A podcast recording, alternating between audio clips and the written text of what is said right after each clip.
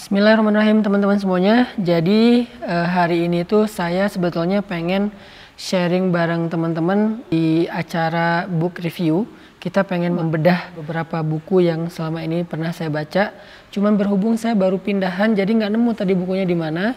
Akhirnya kita book reviewnya yang buku software bukunya aja ya. Saya memang senang juga baca-baca buku yang bentuknya software di eh, HP dan di sini saya nemuin sebuah tulisan bagus nih, cerita.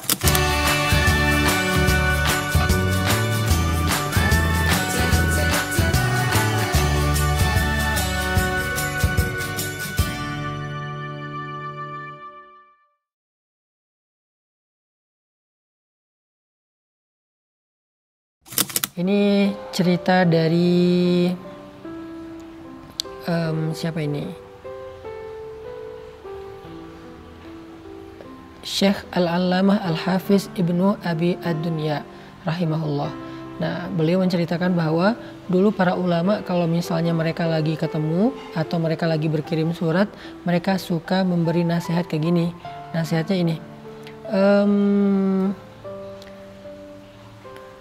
man aslaha sariratahu aslahallahu ala niyatahu wa man aslaha ma bainahu wa bainallah kafahullah ma bainahu wa bainan nas wa man ihtamma bi amri akhiratihi kafahullahu amrad dunyah Nah, artinya apa? Siapa yang memperbaiki urusan-urusan yang tidak tampak tentang dirinya, maka Allah Subhanahu wa taala akan memperbaiki urusan-urusan yang tampak dalam kehidupannya.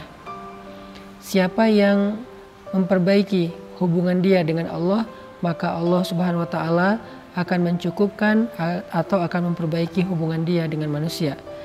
Siapa yang memperhatikan urusan akhiratnya, maka Allah akan cukupkan segala urusan dunianya. Ini adalah nasihat yang sering diberikan oleh ulama kepada ulama lain ketika mereka bertemu. Kita coba renungkan satu persatu. Pertama kalimat man aslaha sariratahu aslahallahu ala niyatahu. Siapa yang memperbaiki urusan-urusannya yang rahasia, atau yang tidak tampak, maka Allah Subhanahu wa taala akan memperbaiki urusan-urusannya yang tampak dalam kehidupan sehari-hari. Maksudnya apa? Ada banyak makna di sini yang terkandung. Pertama, ini berkaitan dengan masalah niat atau masalah hati. Sama seperti hadis Nabi innamal a'malu bin niat. Sesungguhnya segala urusan itu tergantung kepada niat atau hadis Nabi tentang uh, di dalam tubuh manusia ada segumpal darah. Idza saluhat saluha jasadu kulluh wa idza fasadat fasada jasadu kulluh. Ala wahyal qalb. Di dalam tubuh manusia itu ada segumpal darah. Kalau dia baik yang lain ikut baik. Kalau dia rusak yang lain ikut rusak.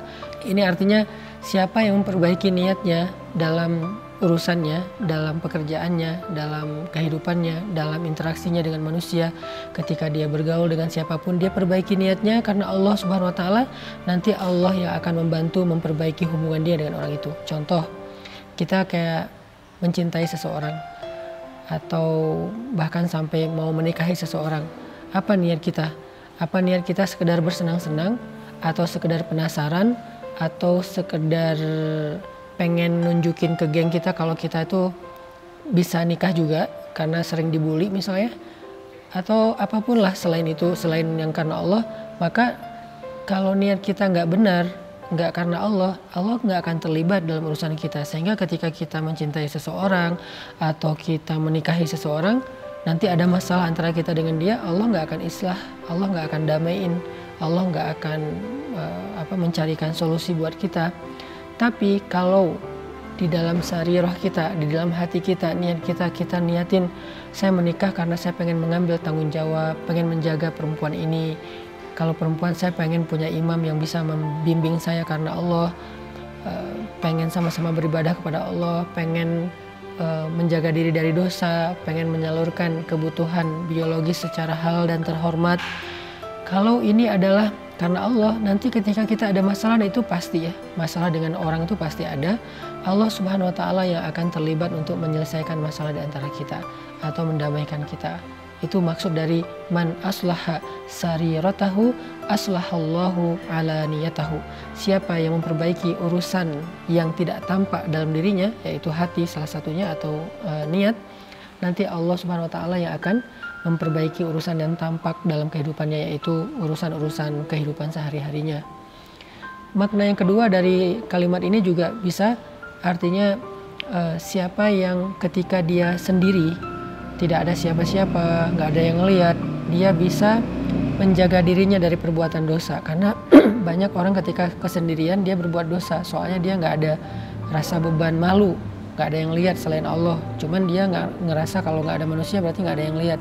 Nah siapa yang ketika dia dalam kesendirian tidak ada yang melihat dia tetap bisa istiqomah tidak berbuat dosa apalagi bukan hanya tidak berbuat dosa tapi malah dia bisa kayak e, beribadah seperti hadis tujuh golongan yang dapat naungan Allah pada hari e, akhirat nanti. Yang ketujuhnya adalah orang yang yang ketujuh apa yang keenam gitu? Orang yang e, menghabiskan waktu sendiri di malam hari dengan berlinang air mata menangis. Nah, jadi siapa yang ketika malam hari atau dalam kesendirian dia e, solih man aslaha memperbaiki urusannya dia tidak berbuat dosa aslahallahu ala niyatahu maka nanti besok siang hari Allah akan memperbaiki semua urusan dia jadi kayak Siapa yang menjaga dirinya di malam hari untuk tidak berbuat dosa dalam kesendirian, bahkan dia beribadah kepada Allah dalam kesendirian dengan sholat tahajud, dengan menangis, dengan berdoa di malam hari ketika dia sariroh, ketika dia dalam keadaan tidak ada yang lihat,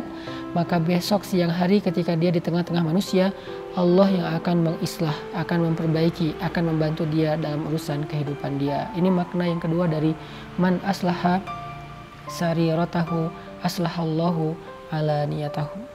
Kemudian kalimat berikutnya adalah waman aslaha ma bainahu wa bainallah kafahullahu ma bainahu wa bainan nas.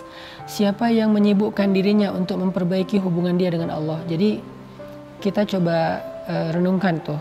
Dalam keseharian itu kita menyibukkan diri kita dengan manusia aja sampai ngelupain hubungan kita dengan Allah atau dengan Allah juga.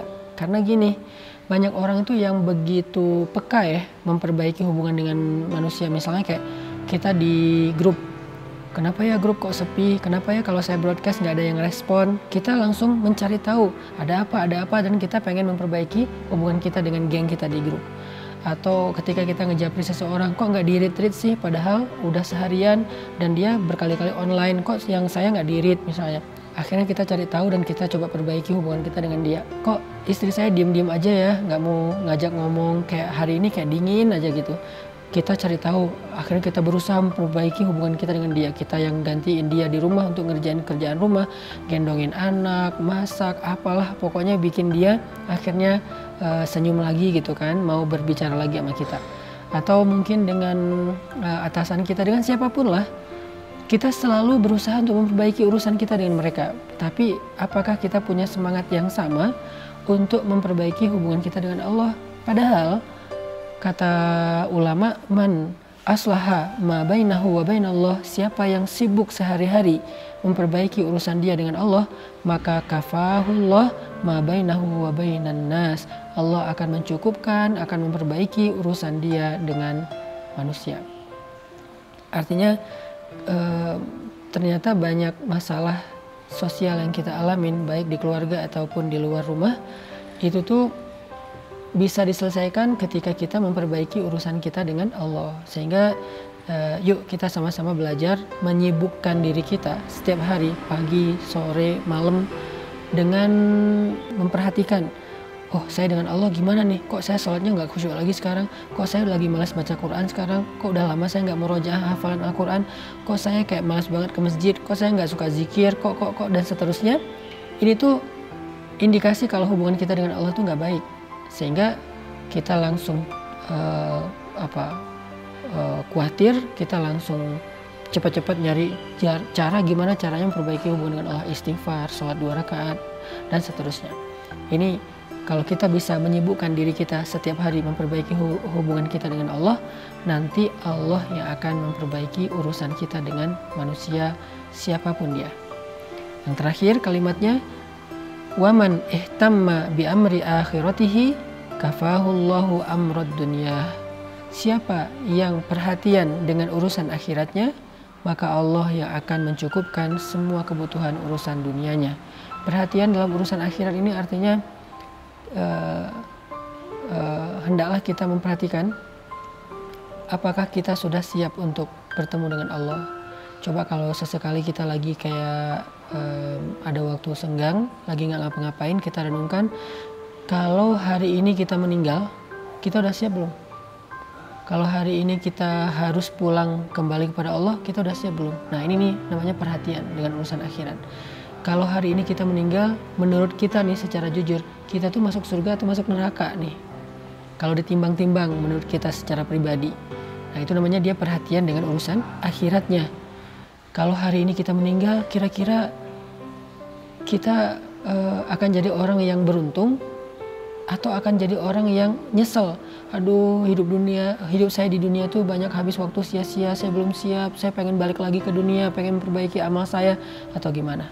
Nah ini orang yang perhatian terhadap urusan akhiratnya. Jadi dia mikir bukan hanya urusan dunia kan kita suka mikir urusan dunia kan? Misalnya kayak ah oh, bulan depan saya pengen jalan-jalan aduh nih udah akhir bulan bisa nggak ya bayar uh, semua kebutuhan kontrakan kos-kosan listrik air uh, nafkah apa pun itu bayar utang. Kita perhatiin banget.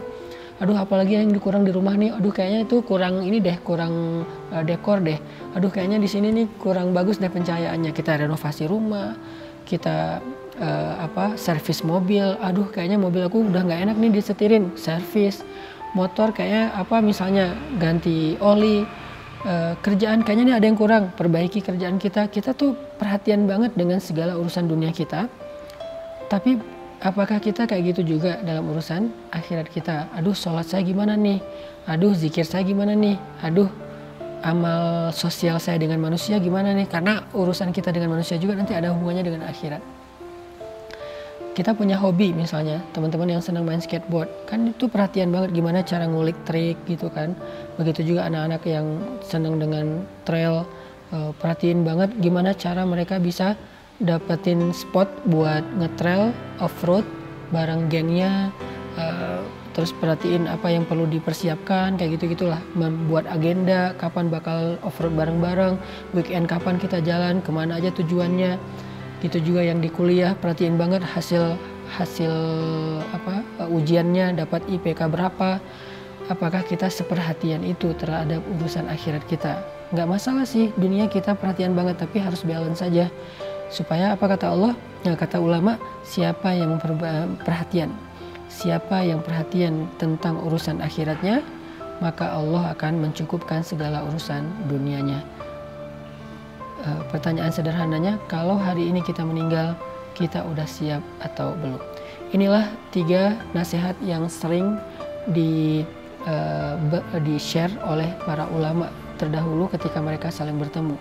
Jadi kalau misalnya kita pengen meniru kebaikan itu karena uh, harusnya setiap orang itu meniru kebaikan dari orang-orang yang sebelumnya mulai dari nabi, sahabat, tabiin, tabiut tabiin dan seterusnya. Jadi kita um, ittiba walladzina taba'uhum bi ihsan orang-orang yang mengikuti mereka mereka ini orang-orang soleh sebelumnya dengan sebaik mungkin radhiyallahu anhum waradu'an dan di al-fatihah juga kita berdoa dengan doa pengen mirip dengan orang sebelum kita. Ihdinas siratal mustaqim siratal ladzina an'amta alaihim.